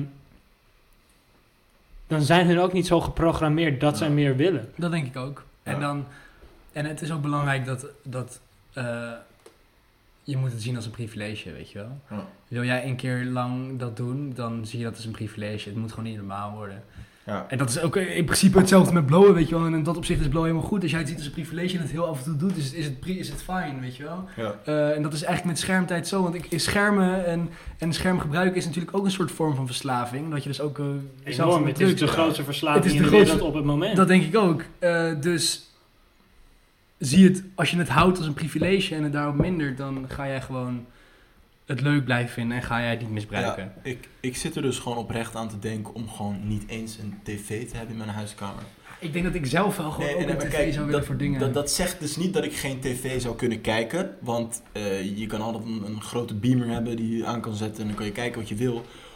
Maar gewoon niet een tv zo in je face. Of laat ik zeggen, die tv die dan uit de muur komt of zo. Of wat het dan ook mag zijn. Maar niet zo in je TV face. uit de muur komt Ja, of zo. ik, ik kijk gekke architectuurvideo's. Dat die tv gewoon zo uit de sick. wand komt. Zo, tjoe. Ja, Ziet er vet uit. Ziet er vet uit. Het is gewoon best wel een distraction gewoon. Dat denk ik ook. Ja. Dat denk ik ook. Maar toch eh, moet ik wel zeggen dat ik heb bijvoorbeeld met mijn broer in het weekend dan eerst op jongere leeftijd gingen wij heel graag eh, met de Lego of met de Playmobil spelen. En dan, wat, ik, ik, ik, ik natuurlijk omdat je een broer, ik had een broer, dus ik, ik werd echt, ik, als, als ik als eerste wakker werd, dan wachtte ik op mijn broer en ging daarna spelen. Dan kon ik uren zo Lego en Playmobilen. Geweldig. Eh, maar op een iets latere leeftijd, toen we iets ouder werden, dan was het dan op een, in een weekenddag, dan gingen we naar onze ouders toe, die al nog op bed lagen dan. En zeiden we, ja, mogen wij tv kijken? En dat was, oh, het was weekend, tv kijken, ja, Ja. in de ochtend, en daarna lekker ontbijten met z'n allen. Dat was wel echt heel leuk. En ik denk, maar ik zag dat ook echt als een privilege, want op een doorweekse dag was dat gewoon geen optie. En ook niet elk weekend was dit een optie. Maar als dat dan mocht, wauw, dat vond ik vet. Ja. En op die manier is het ook heel leuk, weet je. En op die manier moet het ook echt kunnen. Eh, maar het wordt pas echt erg wanneer het normaal wordt. Ja, sluit me helemaal bij aan. Ehm, je kan een kind is gewoon een lege harde schijf. Letterlijk. Je kan er opgooien wat de fuck je wil. Grof gezegd, ja. gezegd, Je kan hem programmeren hoe de fuck je wil, weet je. Ehm, je kan bijvoorbeeld ook, eh, kijk, het gaat gewoon in de vorm van content op een scherm, toch? Jij kan ook gewoon content op een scherm aan je kind geven wat hem oprecht een wijzer mens maakt. Ja, Dat kan ook. Zeker. Snap je? Of je gaat Zeker. Nickelodeon kijken, toch? Nickelodeon is echt fucking Nee, kijk, toxic Zap of Nickelodeon. Mijn, Ja, mijn ouders, ik, ik keek altijd Zap en ik moest ook Zap. kijken. Het enige wat ik op Nickelodeon mocht kijken van mijn ouders was, en nou mocht, ik, mijn, mijn ouders zeiden van oh, dat, dat is leuk, was Avatar. Dat vond mijn moeder, moeder namelijk echt wel leuk om mee te kijken gewoon. Ja. Echt, echt heel grappig, want voor de rest gewoon niet. Nee, Zap was vrij Zap, educatief, eh, toch? en, eh, wat had je? Klokhuis, Willem Jeugdjournaal. Wever. Willem Wever, Jeugdjournaal, check. Checkpoint. Ja, ik bedoel, dat was leuk, weet je wel. En dat is, ik denk dat dat zijn ook eh, programma's die jou motiveren om je eigen creatieve, creatieve zelf te uiten. Ja. Eh, dus dat zou ik prima vinden als mijn kinderen dat kijken. Ja, sluit me aan. Zelfs computer is echt als een raket aan het gaan. hoor. Die kind aan het hardlopen. Zijn er andere programma's open? Ja. Oké, is het nodig? Nee. Dan is het misschien handig dat je ze gewoon even uitzet. Ga gewoon linksboven, forceer stop, alles wat gewoon niet belangrijk is. Oké, maar dat even terzijde. Ehm, ja, hoe vet is het gewoon? Ik denk ook echt wel dat we op zo'n punt gaan komen uiteindelijk in de toekomst. Dat je gewoon je kind gewoon alleen maar educatieve shit kan voeden. En dat je gewoon hem een iPad kan geven dat vol staat met kennis. Wat een jong kind rijker maakt eh, in zijn bewustzijn. Dat denk ik ook. Dat denk ik Ja. ook. En ik, en ik denk dat het ook heel belangrijk is. eh, en dat hebben mijn ouders ook heel erg geprobeerd te stimuleren. Maar ook wel dat het nog niet altijd even mocht baten. Eh, ga eens een boek lezen. Ja, helemaal. Ga eens een boek lezen. Ehm, ben ik- er wordt even aangebeld. Ik ga hem even open doen. Ik doe even een kleine, kleine pauze inlassen.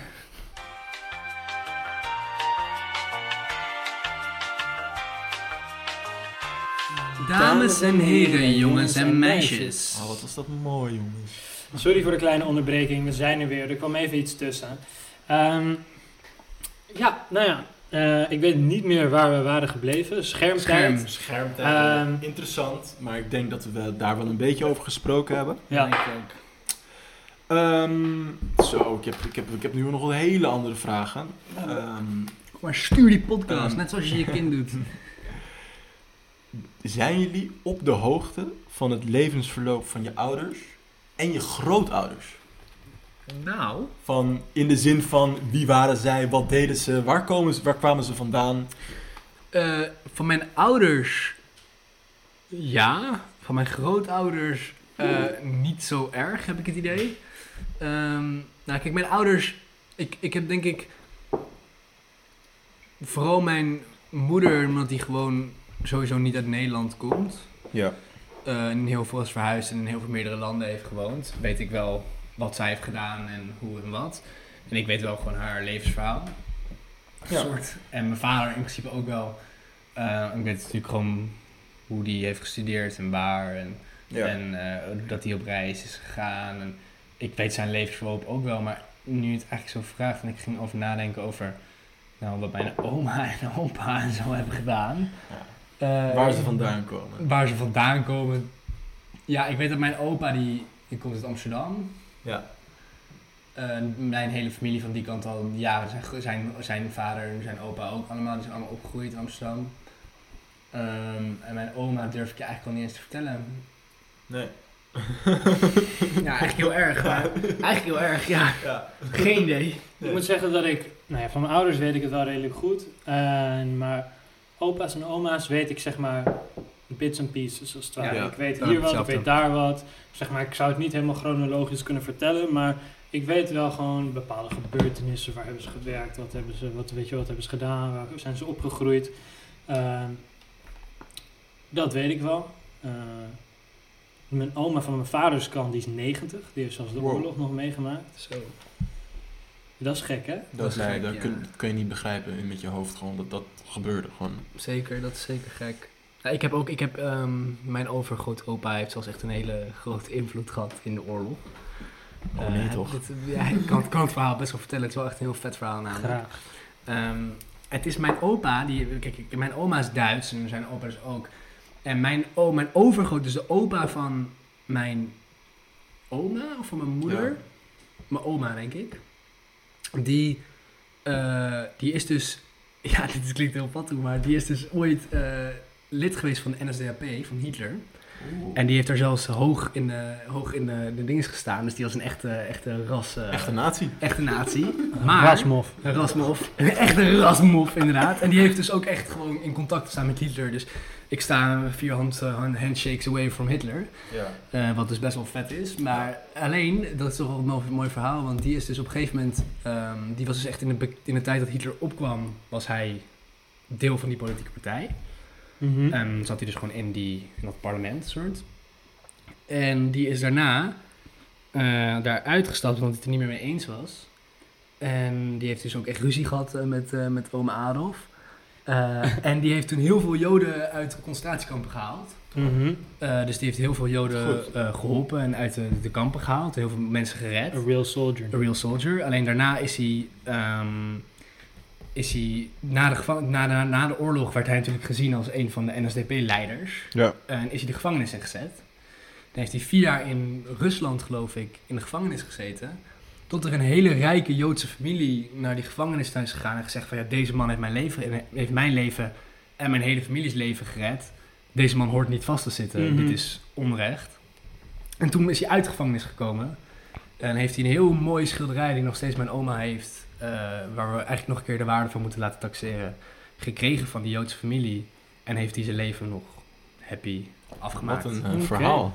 Wat een verhaal. Wauw. Ja, dat is, dus Ja. in dat opzicht weet ik, die geschiedenis ken ik. Ja. Eh, maar dat zijn inderdaad weer bits en pieces. Ja. Dus jij bent gewoon een echte mof. Ik ben gewoon een echte rasmof. Weet je wel, een vieze LSB'er. Ik dacht het al in die ogen te zien. Ja, dat dacht ik. Hoedje van je? Ja, ja, ja, ja, mijn, eh, ik, ik, ik heb het, ja, ik, ik, ik eigenlijk, ik weet wel bits en pieces van wat, wat, wat mijn familie heeft gedaan en waar ze vandaan komen, zowel van mijn moederskant als van mijn vaderskant. Maar eigenlijk vind ik dat ik nog te weinig weet. Eh, mijn over, interessant verhaal als je het nu toch over de oorlog hebt. Mijn overgroot opa aan de kant van mijn moeder ehm, was een Duitser eh, en die zat ook in het leger.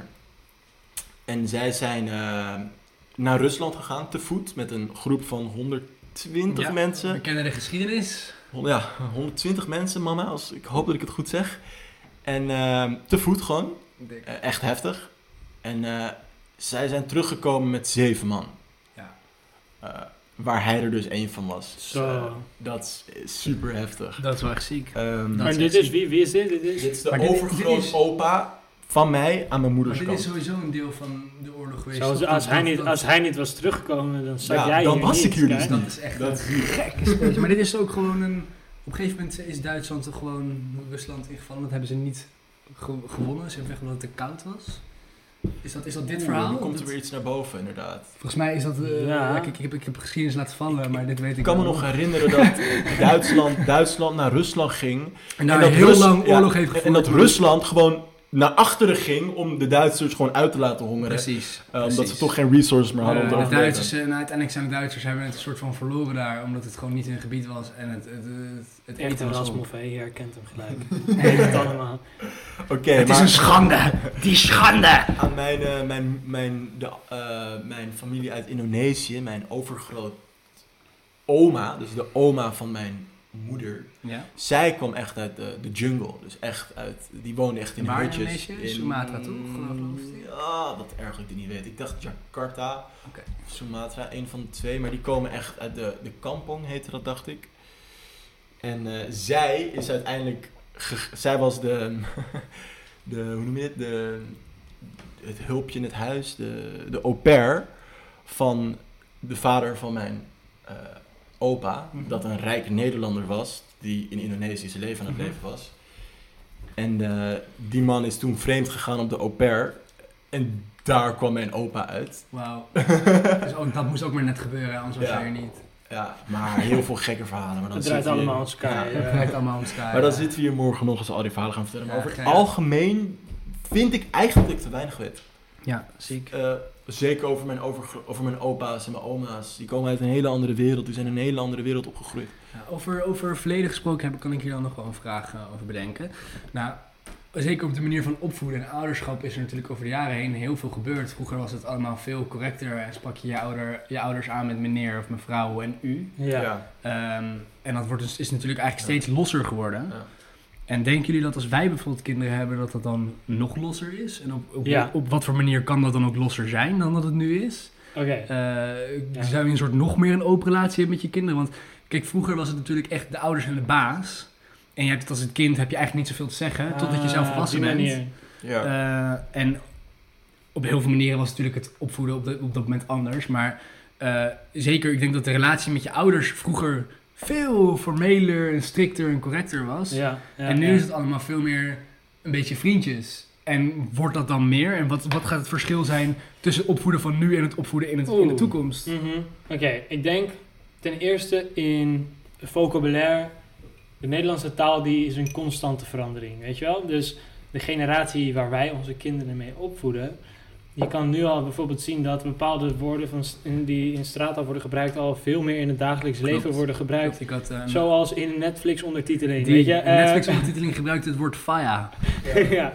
Nou ja, kijk, en dat soort dingen. Dus de, de Nederlandse taal zal hoe dan ook in de, in, in de jaren dat wij, dat wij onze kinderen hebben zo veranderd zijn te- ten opzichte van hoe wij nu zijn. Eh, of hoe onze ouders eigenlijk nu, nu tegen ons praten. Dat Zeker. Dan denk ik daarnaast dat de jeugd sowieso meer erkend wordt tegenwoordig als eh, een, zowel een creatieve bron als eh, ze, worden, ze worden gewoon meer erkend als waardevol. Eh, en dus, vroeger was het heel erg, oké, de oudere mensen zijn wijs en daar moet je naar luisteren. Die weten alles en, en dat is tegenwoordig eigenlijk heel erg veranderd naar dat jongeren steeds meer naar de voorgrond komen. al ook in, in, in eh, people of power als het ware. Dat denk ik ook. En ik denk dat het ook te maken heeft met dat eh, er wordt natuurlijk steeds meer nieuwe technologie ontwikkeld. En over het algemeen zijn jonge mensen die snappen alle, al die technologie beter. Mhm. die, die, die gaan daar zeg maar ook op anticiperen. In de zin van die gaan. Die, die bedenken de nieuwe apps. Die zien dat dat nodig is. En die, die, die begrijpen hoe een. Bij, voor instance, die begrijpen heel veel makkelijker hoe je een, eh, een lesje op Zoom klaarzet dan, dan iemand ouders. Ja, dus dat maakt over het algemeen de verhouding tussen jong en oud in een samenleving eh, minder groot. Weet je, ze, ze staan op die manier dichter bij elkaar. Ja. Maar ik denk nog steeds de verhouding binnen een huishouden zal niet enorm veranderen vanaf nu. Dat is wat ik gok, omdat uiteindelijk heb je, heb je nog steeds de rol de ouder zorgt voor het kind. Ehm, Wa- waardoor, waardoor het kind denk ik ook op een bepaalde manier naar de ouder kijkt. Of het misschien nog opener zou zijn? Ja, ik denk het wel. Het is ook helemaal wat je er zelf van maakt. Dat denk ik Ja. ook. Dat denk ik ook. Ah. Sky, ik heb het gevoel dat jij nog een vraag hebt. Ik heb altijd een vraag, zoals je stelt. Ik heb, jij hebt echt dingen opgeschreven en Sil en ik eh, Ja. zijn meer uh, gekomen.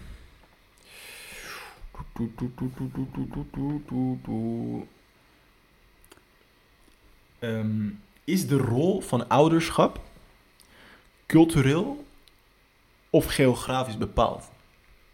Dus de manier van opvoeden. Ik heb er echt over Ja, nagedacht. dit is een diepe. Oké. Eh, ik denk van wel namelijk. ik denk een ook kind van wel. in India tot een- groeit heel tot anders een, op. Tot een bepaald opzicht. Eh, ik denk dat elk gezin heeft, is zeg maar als in, individueel gezin anders dan een ander gezin. Maar het zal zeker hele grote invloed hebben waar je opgroeit. Want het is ook, als jij in een, bijvoorbeeld in een, neem een land als Indonesië als Ja. voorbeeld. En Indonesië is, eh, is 85% moslim. Ja, grootste Dus moslimland ter de wereld. grootste moslim te leren. Dus, dus, jij, dus de meeste kinderen die worden daar opgegroeid eh, met geloof. Mhm. Namelijk met Allah, met het geloof van, met moslimgeloof. Nou, daar zal je al hele andere normen en waarden in vinden. Een hele andere manier van opvoeden dan eh, een kind die dat, ja, die dat niet is. Mhm. Eh, simpelweg dat je bijvoorbeeld eh, geen varkensvlees, dat soort dingetjes. En eh of halal vlees. eh, dat je bepaalde andere, ja, letterlijk alles is anders. Ik denk dat het heel simpel is. Kijk, ieder mens is een, een product van hun omgeving. bedoel? Zeker. En elke om- de omgevingen verschillen zo erg in de wereld dat als jouw ouders in een bepaalde omgeving zijn opgegroeid, jij bent ook, je ouders is ook een deel van de omgeving. Dus dat kind eh, is ook onder andere een product van hun ouders. Zeker. Dus, eh, ik maak het nu heel gecompliceerd, dat helemaal niet nodig is. Eh, ja, het maakt daadwerkelijk een verschil waar je opgroeit, een in, in hoe je opgroeit. Maar daarbinnen kan je als ouders natuurlijk Je helemaal je eigen draai je, geven. Binnen je Ja. huishouden enorm je eigen draai geven, maar de samenleving eh, die vormt jou ook. Ja. Dus het is een beetje een combi van. Toen kom je van. Dus is de rol van ouderschap cultureel of geografisch bepaald?